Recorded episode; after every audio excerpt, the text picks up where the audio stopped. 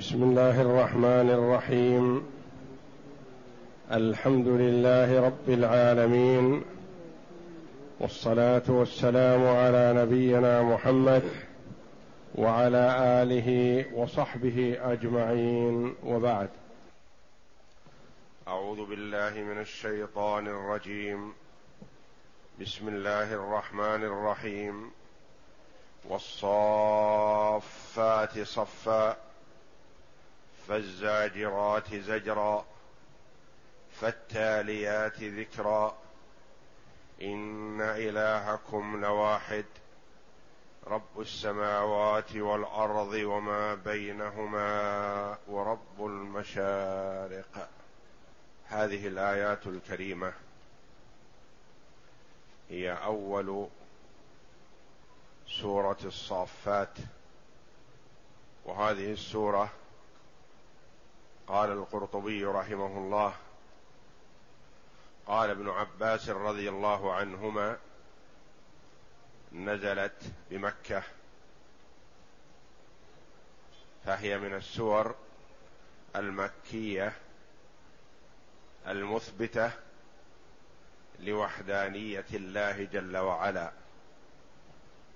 وعن ابن عمر رضي الله عنهما قال كان رسول الله صلى الله عليه وسلم يأمرنا بالتخفيف ويؤمنا بالصافات.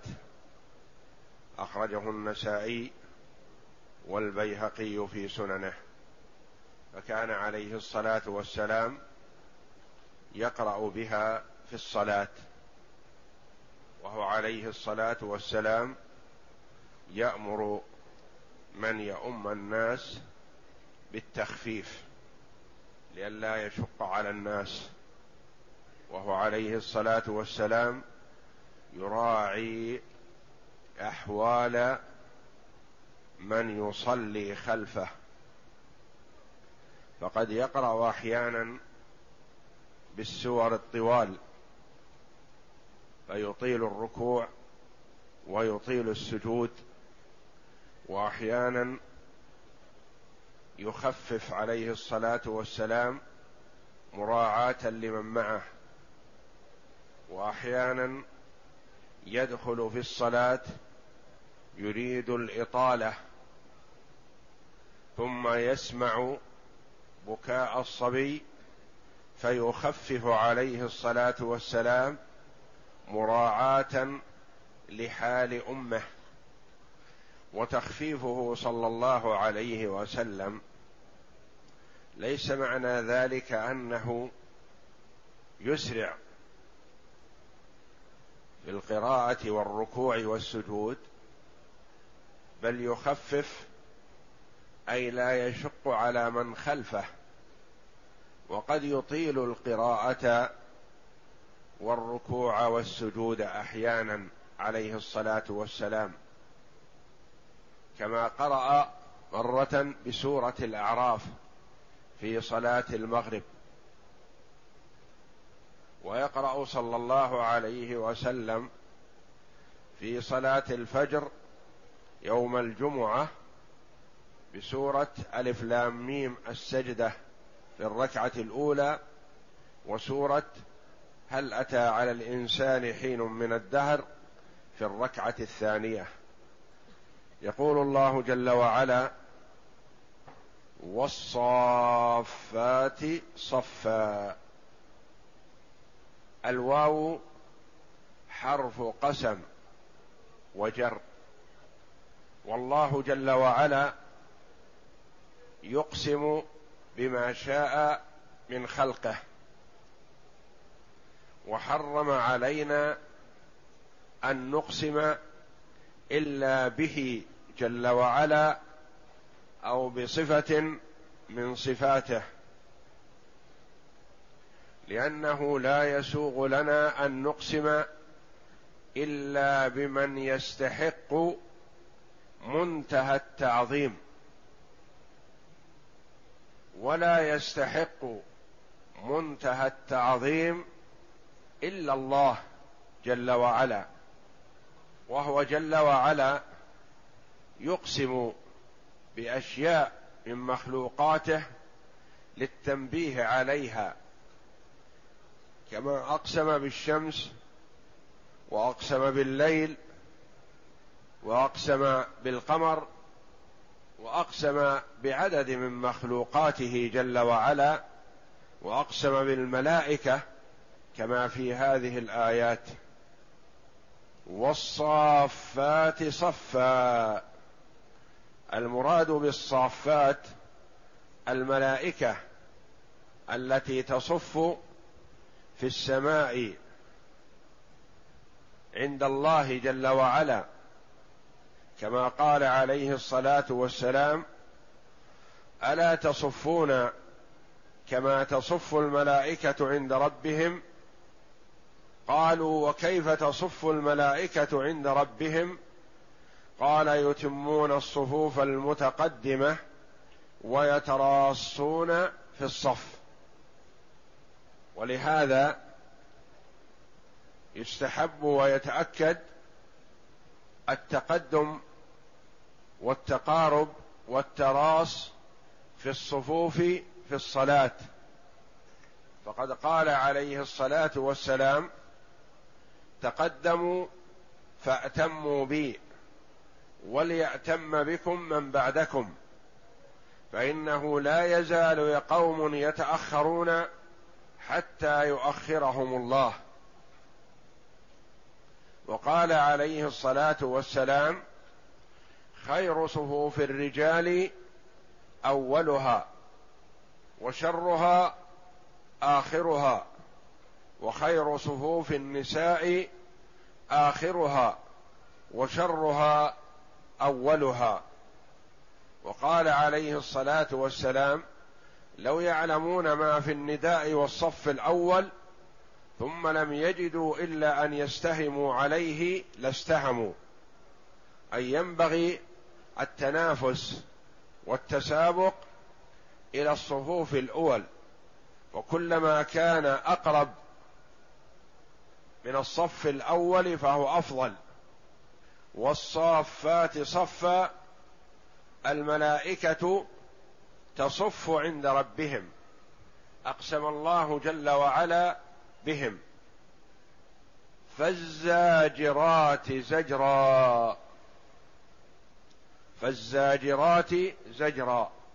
الفاء حرف عطف. أي فالزاجرات مقسم به كالصافات. والصافات صفا فالزاجرات زجرا. الزاجرات الملائكة تزجر السحاب وتزجر من أمرت بزجره بأمر الله جل وعلا.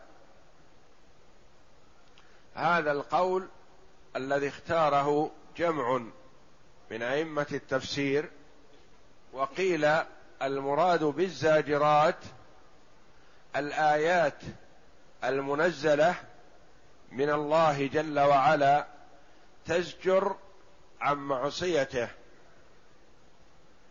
فالتاليات ذكرى. الملائكة تتلو القرآن كما قال ابن مسعود وابن عباس والحسن ومجاهد وابن جبير والسدي. هؤلاء الأئمة في التفسير قالوا التاليات ذكرى الملائكة تتلو القرآن. وهل المراد عموم الملائكة أم جبريل عليه السلام والله جل وعلا عبر عنه بالجمع من باب التعظيم. وقيل جبريل ومن معه. وقيل المراد كل من تلا ذكر الله وكتبه من العلماء والمتعلمين. فالله أقسم بهم. وقيل المراد التاليات ذكرى آيات القرآن ووصفها بالتلاوة وإن كانت متلوة يعني مقروءة. قال فالتاليات كما في قوله جل وعلا إن هذا القرآن يقص على بني إسرائيل أكثر الذي كانوا فيه يختلف أكثر الذي هم فيه يختلفون.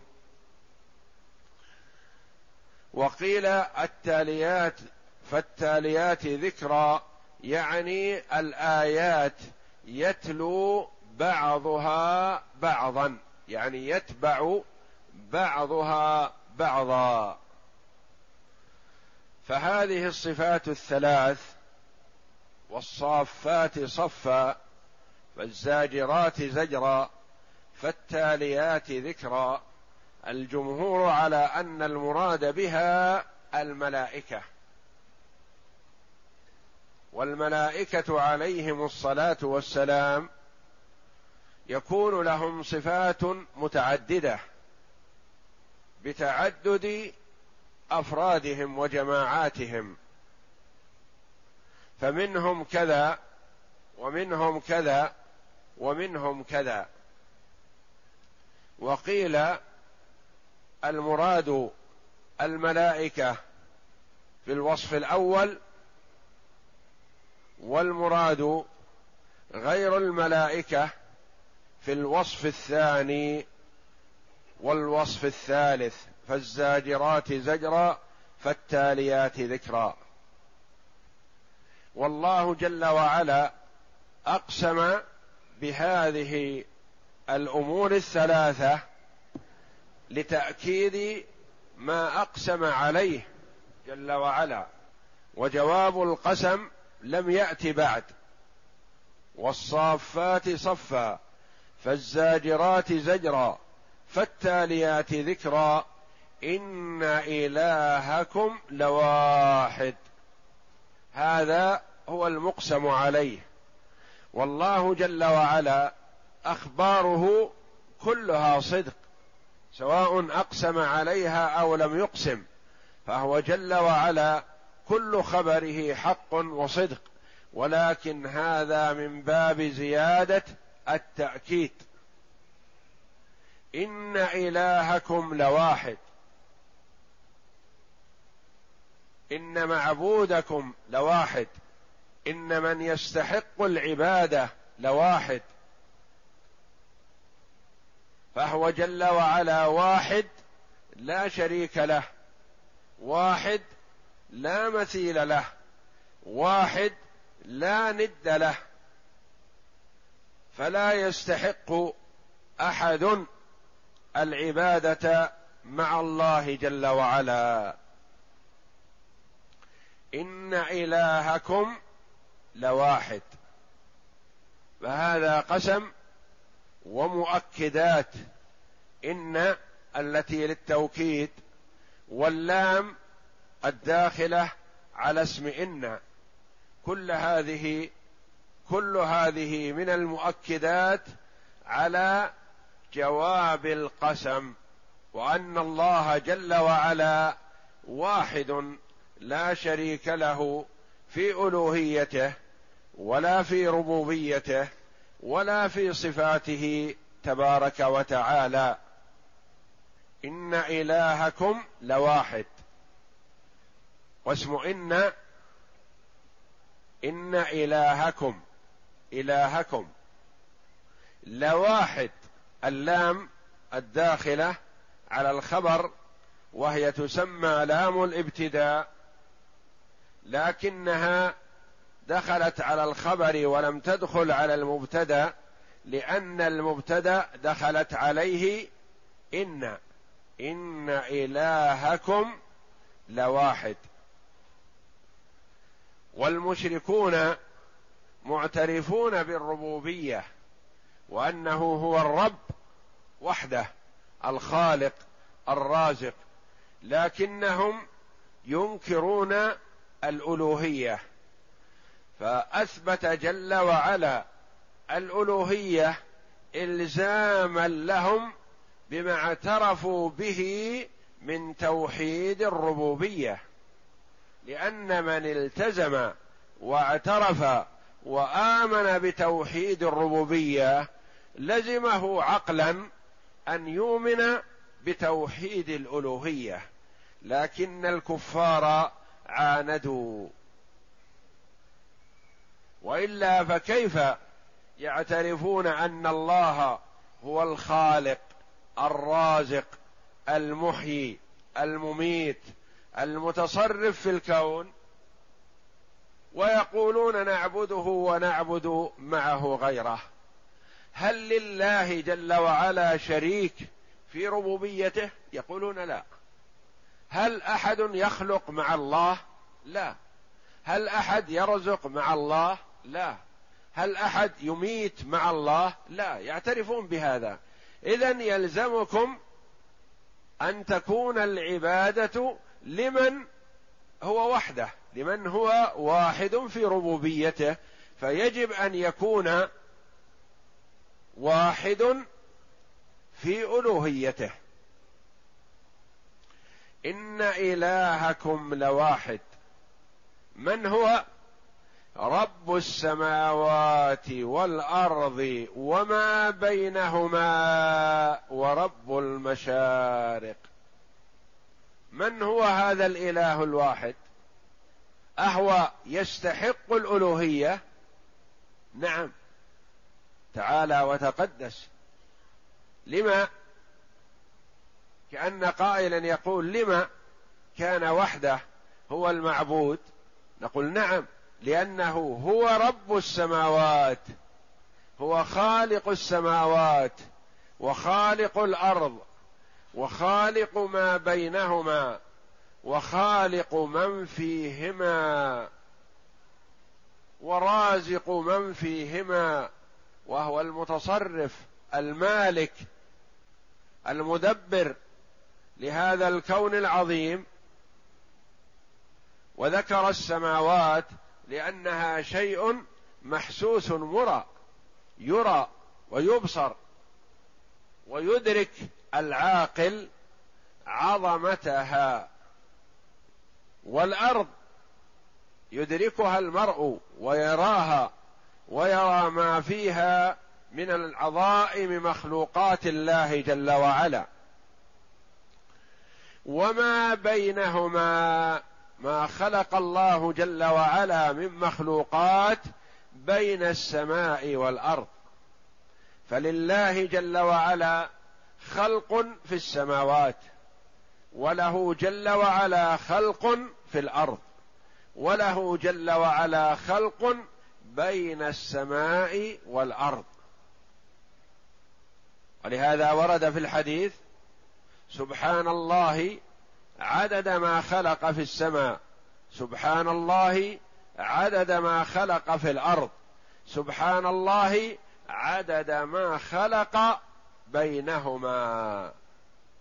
لأن لله جل وعلا خلق بين السماء والأرض. وما بينهما ورب المشارق. رب المشارق. مشارق. وقال في آية أخرى رب المشرقين ورب المغربين. وقال رب المشرق والمغرب. فأفرد وثنى وجمع جل وعلا. والمشارق هنا أفردها بالذكر المشارق دون المغارب لأن لفظة المشارق تدل على المغارب كذلك. إذا كان هناك مشارق فهناك مغارب. رب المشارق مشارق الشمس.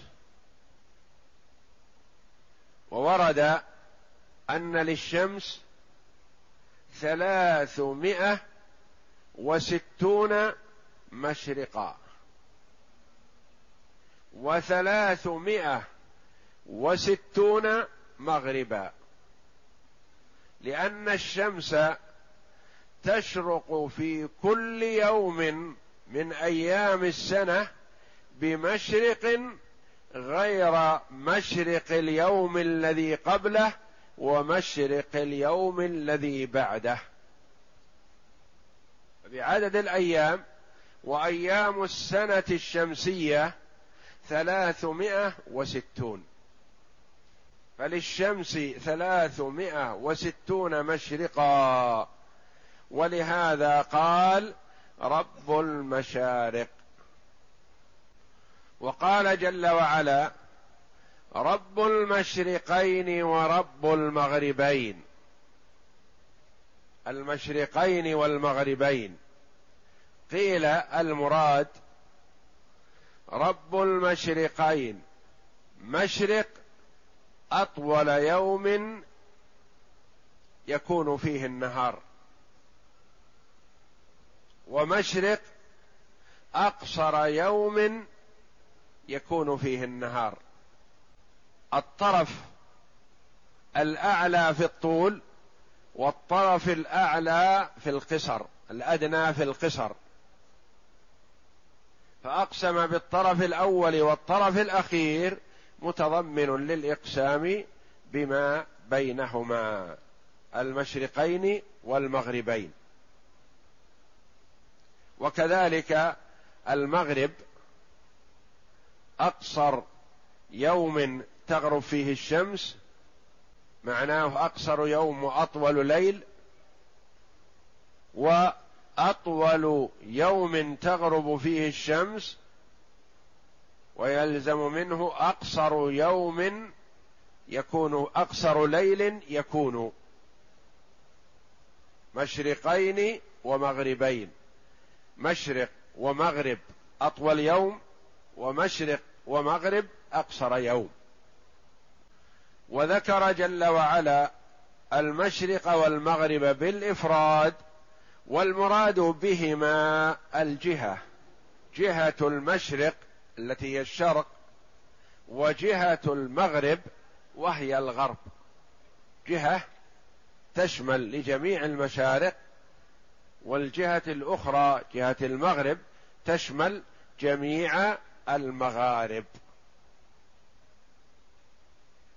والله جل وعلا نوع التعبير بالمشارق والمغارب والمشرقين والمغربين والمشرق والمغرب للفت نظر العباد وللتأمل في مخلوقات الله جل وعلا وتقلبها وتغيرها الشمس وشروقها في كل يوم غير شروقها في اليوم الآخر.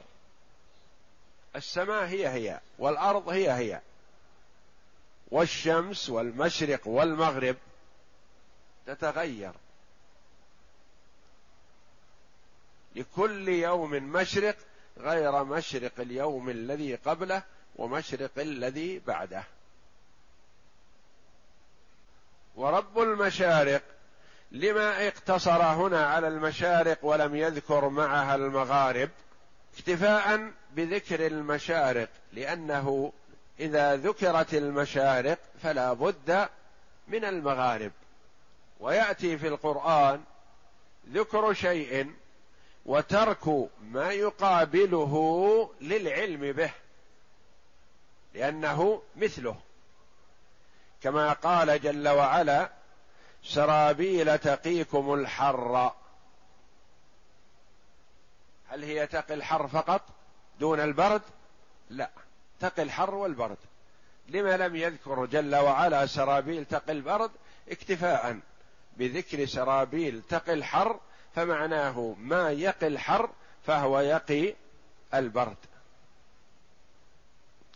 قال العلماء رحمهم الله ذكر المشارق واكتفى بها لما لم يذكر المغارب ويكتفي بها. عند الاكتفاء بأحدهما يذكر المشارق. نعم.